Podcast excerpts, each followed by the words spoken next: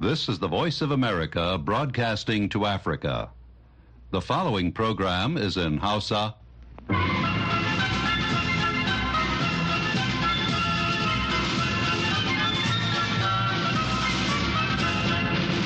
Sashen Hausa na muryar Amurka ke magana daga nan birnin Washington DC.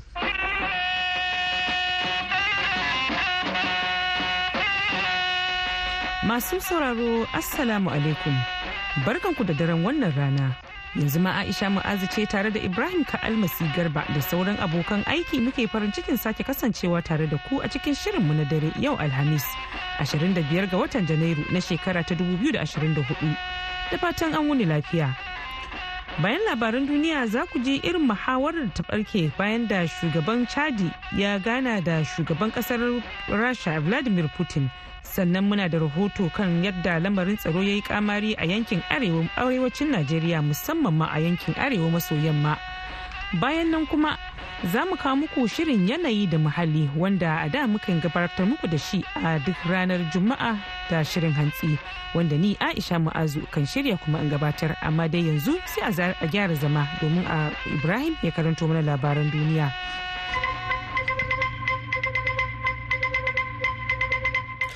To assalamu alaikum masu saurare da fatan an lafiya ga labaran. Wani harin soji ya kashe mayaƙan alshabab akalla ashirin a yankin tsakiyar somaliya a cewar wani jami'in soji na bataliyar yankin a yau ɗin nan alhamis. Sojojin somaliya tare da taimakon sojojin gamayyar ƙasa da ƙasa sun kaddamar da wani harin jirgin sama a garin gal harare inda suka auna wuraren da mayaƙan ke amfani da su wajen ƙirƙiro makamai abin da ministan harkokin tsaron yankin galmudug muhammad adan gabube ya gaya ma sashen somaliyanci na muryar amurka kenan. Gabube ya ce harin wanda aka kaddamar da daren jiya laraba ya kuma auna gidan rediyo andulas wanda shine kafar farfagandar alshabab a ƙasar somaliya wani bayani kuma na daban daga rundunar sojin ƙasar ta somaliya na cewa mayaka sama da 25 ne aka kashe a harin wanda ya ruguza wani gida inda jagororin ƙungiyar ke wani taro da kuma wani garejin da ake amfani da shi wajen harhaɗa bama-baman da ake makalawa a motoci. Wani babban jami'in majalisar ɗinkin duniya yau alhamis ya yi kiran da a yi duk mai yiwuwa a kare fararen hula biyo bayan wani hari wanda ya yi sanadin mutuwar mutane akalla sha biyu lokacin da wata tankar yaƙi ta auna wata cibiyar horaswa ta majalisar ɗinkin duniya wadda dubban falisɗinawa ke fakewa ciki. Thomas white daraktan harkokin gaza na cibiyar majalisar ɗinkin duniya unrwa ya ce halin da ake ciki a khan yunis birnin da ke kudancin gaza inda aka kai harin na nuna yadda ake ta samun cikas akai-akai kan batun mutunta ka'idoji masu sauƙi na dokokin jinƙai ba za a lamunta da hare-haren da ake kaiwa kan farar hula a khan yunis ba ko mutsala zaratin. Kuma dole a daina ba tare da bata lokaci ba a cewar white. Kwamitin sulhu na majalisar ɗinkin duniya zai yi wani zaman gaggawa yau alhamis bayan da wani jirgin saman sojin rasha na ɗaukar kaya ya rikito daura da kan iyakar rashar da ukraine. Da jami'an rasha da na ukraine na kiran da a yi bincike ɓangaren rasha dai na zargin ukraine da kakkaɓo jirgin wanda ya faɗo jiya laraba a yankin belgorod. Rasha ta ce jirgin na ɗauke da mutane 74 ciki har da fursunonin yaƙin ukraine 65 waɗanda aka shirya cewa za a yi musayar fursunoni da su. Ministan harkokin wajen rasha sergei lavrov wanda tuni ma ya iso birnin new york saboda tarurrukan da za a yi a wannan makon a hedkwatar majalisar ɗinkin duniya ya zargi ukraine da kaddamar da abin da ya kira harin ta'addanci. Shi kuwa shugaban ukraine volodymyr zelensky cewa ya yi gwamnatinsa ta dage kan a kaddamar da bincike a matakin ƙasa da ƙasa. To karfa a sha'afa ana shan labaran ne daga sashen hausa na muryar amurka a nan birnin washington dc babbar kotun hong kong ta tabbatar da samun wata fitacciyar 'yan raji da laifi kan saba ma dokar hana gangamin tunawa da murkushe zanga-zangar kare tsarin demokradiyya a dandalin tenement a shekara ta 1989 wanda wannan shine na baya-bayan nan a ci gaba da samun koma baya da magoya bayan tsarin demokaradiyya ke yi. Cho hantun wadda wata tsohuwar kusa ce a haramtacciyar ƙungiyar 'yan kishin ƙasa masu kare tsarin demokaradiyya an yanke mata hukuncin ɗaurin watanni goma sha biyar a kurkuku saboda zugawa a yi gangamin wanda tuni 'yan sanda suka haramta lokacin annobar covid-19 tsohuwar mataimakiyar shugaban gamayyar ƙungiyar rajin kishin ƙasa ta kare demokaradiyya din cho tun ta ce And we are very disappointed in how our court have been failing to safeguard our rights to ta ce mun yi takaicin yadda kotunanmu ke kasa kare 'yancinmu na yin gangami cikin lumana da kuma furta albarkacin bakinmu. Kotunanmu na ta jaddada cewa babu waninmu da ya fi wasu 'yanci. To amma ai mu ba so muke a ba mu 'yanci fiye da wasu ba. Yancin da muke da shi ƙarƙashin kundin tsarin mulki muke so a ba mu a ƙarƙashin doka a ƙarƙashin ƙudurin dokar 'yancin ɗan adam. A ƙarshe jami'ai a kudu maso gabashin china yau alhamis sun ce binciken wucin gadi na nuna cewa akwai wato aikin walda da ba bisa ka'ida ba. A wani ɗakin ƙarƙashin ƙasa na wani gini shine musabbabin wata mummunar gobara. Gobarar ta hallaka mutane 39 baya ga wasu kuma tara da ta raunata je laraba a gundumar yushai na lardin jinshi.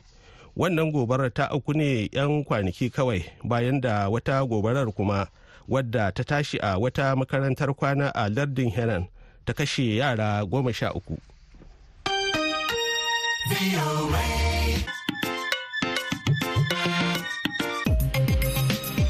Da Ibrahim Ka'almasi Garba da ya karanto mana labaran duniya daga nan sashen Hausa na muryar Amurka a birnin Washington DC.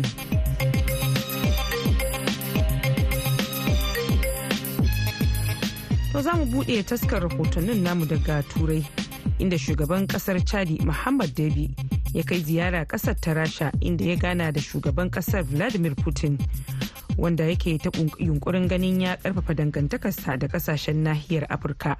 Gana wadda shugabannin suka yi ya bar baya da kura inda mutane wanda ya haifar da cece kuce kamar yadda za ku ji a cikin karin bayani a cikin rahoton da wakiliyar muryar amurka a turai ramatu garba baba ta aya aiko mana gare ki.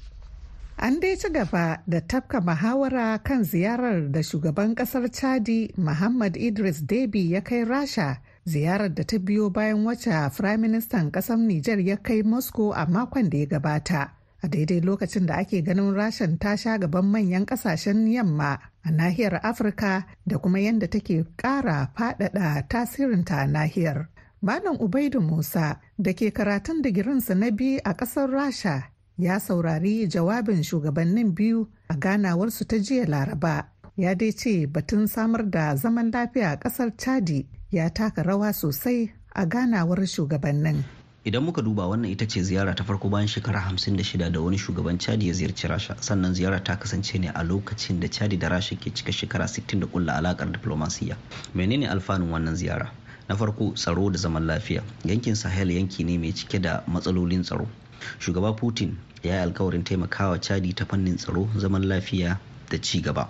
To shugaba Putin da ya sha nanata cewa akwai dangantaka mai ƙarfi a tsakanin Rasha da Afirka. Tun lokacin tarayyar Soviet sai dai wasu manazarta na cewa Rashan na yin hakan ne saboda yanayi na juya mata baya da manyan ƙasashen duniya suka yi tun bayan da ta soma mamayar makwabciya ta Ukraine.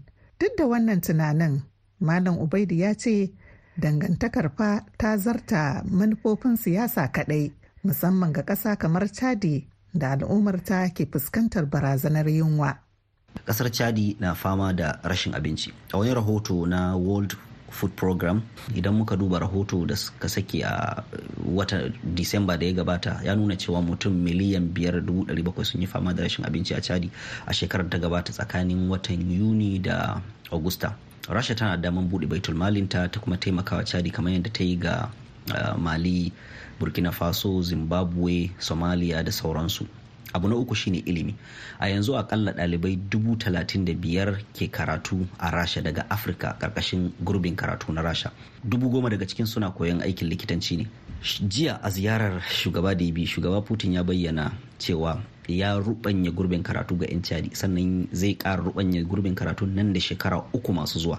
Ga rasha wannan abu ne mai muhimmanci saboda zai ƙara mata ƙawaye afirka da kuma kima a idon duniya. Amma kuma akwai masana siyasar duniya kamar Dr. Musa Garba wani tsohon malami a jami'ar Marseille ta ƙasar Faransa da ke cewa akwai buƙatar a yi taka tsantsan. Kamar yadda kuka gani yanzu ƙasashen na na Sahel akwai matasa da yawa. Matasan na suna da bukatu daban-daban. To wannan ya sa kamar akwai hop da yawa. Yanzu abubuwan da ya kamata su ƙasashen su yi sakasansa don cooperation su da ƙasashe kamar su rasha da su iran da wa'ansu china hakan ga wajen ma'amalar su da alaka da abun da ya kamata a ce a za a yi ko a bari. Duk abun da mutum ya zo ya ce yana son abunka za ka saida mishi. Ya kamata kai kuma ka sa farashin da zai sa kai ma zai amfana. To a ɗaya ɓangaren kuma masu sharhi na cewa Rasha tana ƙara nuna ƙasashen na Afirka ƙoƙarinta na gyara kurakuran da ta ce turan yamma sun tafka nahiyar Afirka. Ramatu Garba Baba, muryar Amurka daga birnin Bonn na tarayyar Jamus. A gaida Ramatu da wannan rahoto. Yanzu kuma sai rahotonmu na biyu wanda zai kai mu Najeriya. Inda harkar tsaro yake kara taɓarɓarewa a arewacin ƙasar fiye da wato baya da sanya haraji da kai hari duk sadda suka bushe iska. Wakilinmu muryar amurka salim malumfashi ya haɗa mana wannan rahoton. Yanzu kam 'yan ta'adda suna kai hari a kodon lokaci suka bushe iska a yankin arewacin najeriya. Kuma har sukan yi amfani da abubuwa masu fashewa kamar dai irin wanda ya faru a can yankin arewa maso gabashin najeriya. Al'umma jiya ma wannan abun ya faru da mu. A hanyar nan wallahi jama'a sai ba mai suke ta takawa. Jama'a ku duba jinjirin nan ku duba matan nan. A hanyar gamboru da sashen allah nan jama'a dan allah. Ba yaran ba uwar ba. Wasu wuraren kuma kamar yankin jihar katsina sukan je su tara hanya ne da rana kata kari halin zo tsaya alhaji. Tsaya tsaya. Tsaya shan alhaji mu kashe mota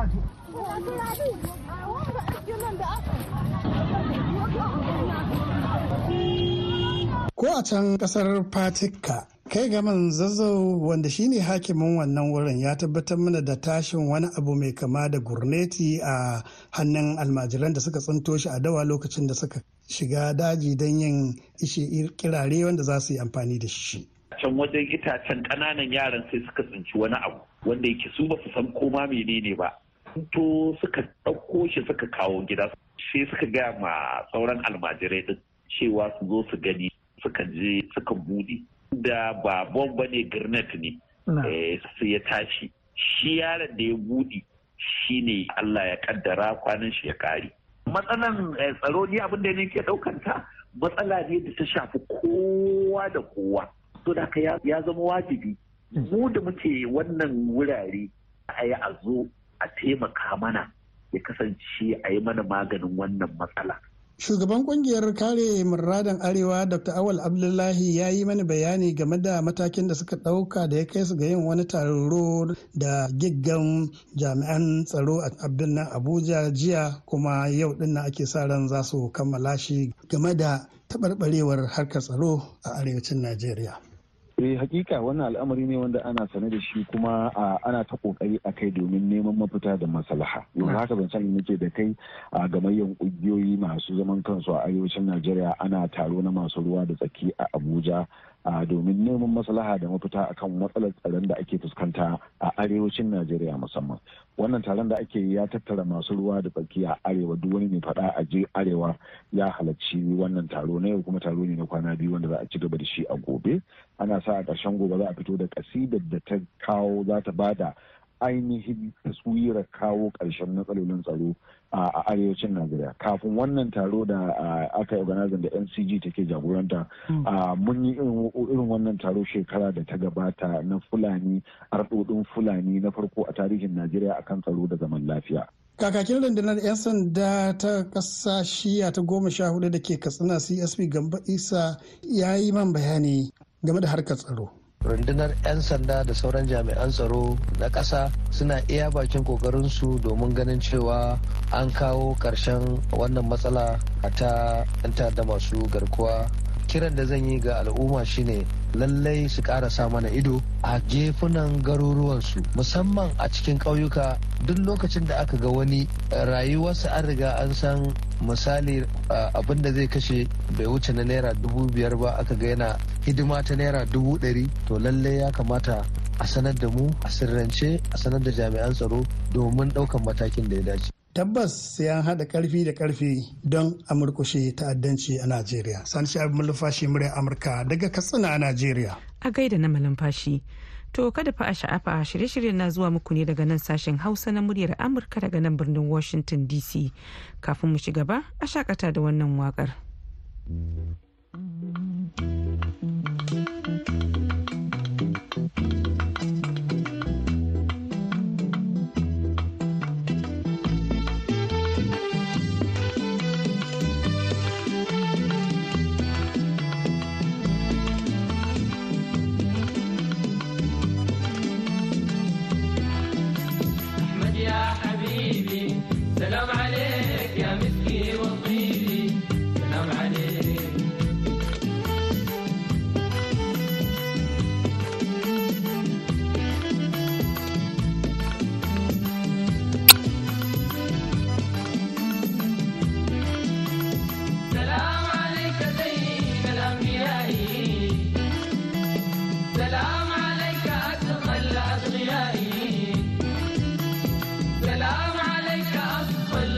Yeah.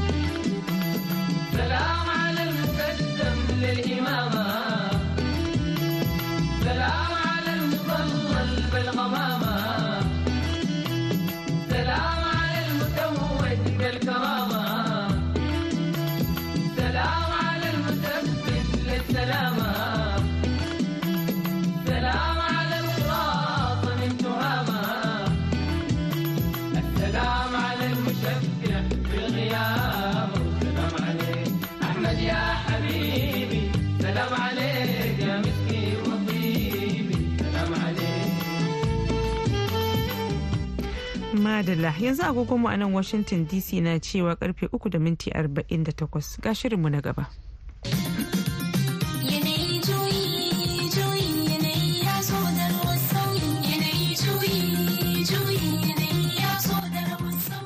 Mai sauraro barka da kasancewa da shirin yanayi da muhalli. Daga nan sashen Hausa na muryar Amurka. Shirin yanayi da muhalli an kirkire shi ne da zimmar bibiyar lamuran yanayi, kalubalolin da ke tattare da shi da kuma matakin da ake ɗauka domin tabbatar da lafiyar muhallinmu baki ɗaya. Sunana Aisha Mu'azu. Daya daga cikin abubuwan da ke kan gaba wajen haifar da matsalar ɗumamar yanayi shine batun amfani da makamashi mara tsafta wanda hayakin da yake fitarwa yake ɗumama muhallin duniya. Lamarin da masana da dama suka yi ittifaƙin cewa daina amfani da wannan nau'in makamashi shine mafita ga matsalar sauyin yanayi musamman ma nau'in da ake kira da fossil fuel da turanci. Sai dai a nasa ɓangaren dan ƙungiyar rajin kare muhalli ta najeriya umar sale anka ya ce akwai buƙatar a yi taka tsantsan a kuma yi tanadin tsarin da zai tabbatar da nasarar wannan shiri. Sai an samar da kuɗin climate finance to yanzu ƙasashen da suka ci gaba sun yi maganganu a gurin wanda za mu yi maganar haka. Sannan kuma sai yadda za a fita daga amfani da gurbataccen hanya ta samar da makamashi wato a facing out uh, fossil fuels din baki ɗaya a samu ta yaya za a samo hanyoyi da za a samar da shi harkar renewable energy ko kuma shi makamashi wanda baya cutar da dan adam baya cutar da muhalli kamar su hasken rana da iska da sauransu. Ba za ka iya yin wannan abin ba sai an duba abin da ake just transition. Hanyoyin da za a samu mafita a canza daga wannan gurin juya zuwa wani sabon tsari ba tare da su ƙasashen sun ci gaba ba. Idan kin duba misali kamar ƙasashe su Najeriya da suka dogara kusan kacoka sama da kashi saba'in na hanyar samun kuɗin ƙasar. Budget ɗinta ya ta'allaka ne akan harkar samar da ɗanyen man fetur. To kin ga kuma shi ake so a fita daga wajen. So amma kuma idan ba a duba an bi shi a hankali ba za ki ga wasu ƙasashen ba za su ma iya yin wannan canjin da ake buƙata ba. Domin dai kamar Najeriya ta gabatar da wani kudurinta na yadda za a fita daga wannan karni na makamashi sannan a dawo sabon tsari. To wannan hanyoyin duk kin ga na ci gaba ne tunda har irin kasa Najeriya ta iya gabatar da long a Nigeria's long term strategy ɗinta na low carbon ne yadda za ta iya fita daga tsari na gurbata muhalli cikin sauƙi so wannan ba ƙaramin ci gaba ba ne. Amma idan ba a bi a hankali ba za a iya samun matsala. Amma ƙasashe da suka ci gaba sun zo da sababbin tsarika da kuma kudurori na yadda za a yi a samu wannan kuɗi na loss and damage da kuma adaptation fund a yadda za a gudanar da su. Wanda ƙasashe da dama sun yi alkawura kamar ita mai masaukin baki din ta ce za ta ba da dala miliyan ɗari. Ita kuma dr salamatu jidda fada mai bincike a fannin yadda al'amuran sauyin yanayi suke tasiri ga rayuwar al'umma da muhallin kansa ta ce akwai buƙatar lalubo sabbin hanyoyin dogaro da kai domin yi wa ma'aikatan da za su rasa ayyukansu tanadi sanadiyar barin amfani da makamashi mara tsaftar. Babu wani plan shiri. takamaimai akan wannan. Aikin da muka fara yi shine zai ba da idea ma number na mutane da za su buƙaci tallafi. Amma yanzu dai ni dai as far as I know da sanina ba Najeriya ba ta fara wannan aikin ba tukunna. Amma akwai bukatan a fara neman hanyoyi da za a taimaka ma ma'aikata da za a taimaka ma al'umma da Najeriya kanta ma ta nemi taimako daga wasu ƙasashe other developing countries. Farfesa Abubakar Mamman Manzo na Jami'ar Tilaberi kuma mai bincike a gidauniyar nan ta Birtaniya mai bibiyar lamuran tsirrai mahimmancinsu da kuma alfanunsu ga al'umma wato 3aid ya ce fahimtar yanayi da kuma tsarin tsirrai zai taimaka gaya wajen bunƙasa albarkatun noma a lokacin girbi. in aka ɗauka yanzu kaman itatuwa wanda yake jansi daban-daban a kuma halitta mace da namiji da akwai kamar ɓangaren yallan gwanda masar to ita ma akwai maza akwai mata. Bancin haka kuma in aka ɗauki kaman wanda ya shahi dimniya akwai inda ake samun dimniya mata da dimniya maza. To da akwai su da yawa irin wannan jansi ko kuma in ce irin wannan yallai na itatuwa wanda yake su wannan bayan da za a yi ka samu amfaninsu. In dai baka kawo ba mace da namiji ka sa su yanda za su ba da ɗiyan itatuwan nan. Bancin haka kan saboda masu amfani da irin itatuwa su san cewa da akwai wannan zubi da allah ya yi don saboda a ci moriyar irin wannan itatuwa. Abin da ya shahi kuma halaye na itatuwa akwai itatuwa masu jimiri wanda su suna iya jimirin wahalar rashin ruwa ko kuma jimirin yanayi kaman zahirana kaman wajajen wannan namu kuma da akwai itatuwa wanda yake su kuma suna guri inda yake da tauri ko kuma guri inda ma da wanda duwatsuna ne ba iya tsammani duka wannan da akwai itatuwan wannan kuma duk inda ya kamata ana so a bunƙasa da noman irin wannan itatuwa. Dole he an yi amfani da wannan sanin bisa kan itatuwa wani iri ne kuma wani irin halaye gare su ta wannan fanni ne za a ci moriyarsu kuma za a iya amfani da su da yadda zai kamata a shuka su. Kuma ya cancanta da yadda za a sa su don saboda wa'ansu in ba a sa sannan ba sai ga cewa an samu rashin abin da ake nema kamar ba an samu baɗiya da yawa kuma ba an ci ban moriyar wani kasancewar hunturu lokaci ne da ake fama da sanyi. A ƙasashen yammacin duniya akan samu dusar kankara wanda yake sanyaya muhallin yankin da dusar ta zubo. A makon da ya gabata ne a nan amurka aka tafka sanyin na fitar hankali wanda ya sa na tuntubi malama sadiya tijjani wacce ke nazarin digirin da girgir a new jersey a fannin tauraron dan adam ta yi bayani wannan sanyi dai da ake yi a amurka yana faruwa ne saboda wata iska da take tasowa daga arctic pole ko kuma can arewacin duniya inda ba su da komi sai kankara da dusar kankara. To idan wannan iska ta taso ana kiranta arctic front daga arewaci ta fara yiwa kudancin duniya ko kuma ta fara shigowa ta amerika. Duk inda ta wuce wurin zai zama yana da sanyi. Komin zafin wannan wuri da ta wuce idan har ta shigo wurin zai zama yana da sanyi sosai. Idan kuma har aka yi sa'a lokacin ruwan sama yana zuba to saboda tsananin sanyin wannan iskar sai ta mai da ruwan saman ya zama kankara.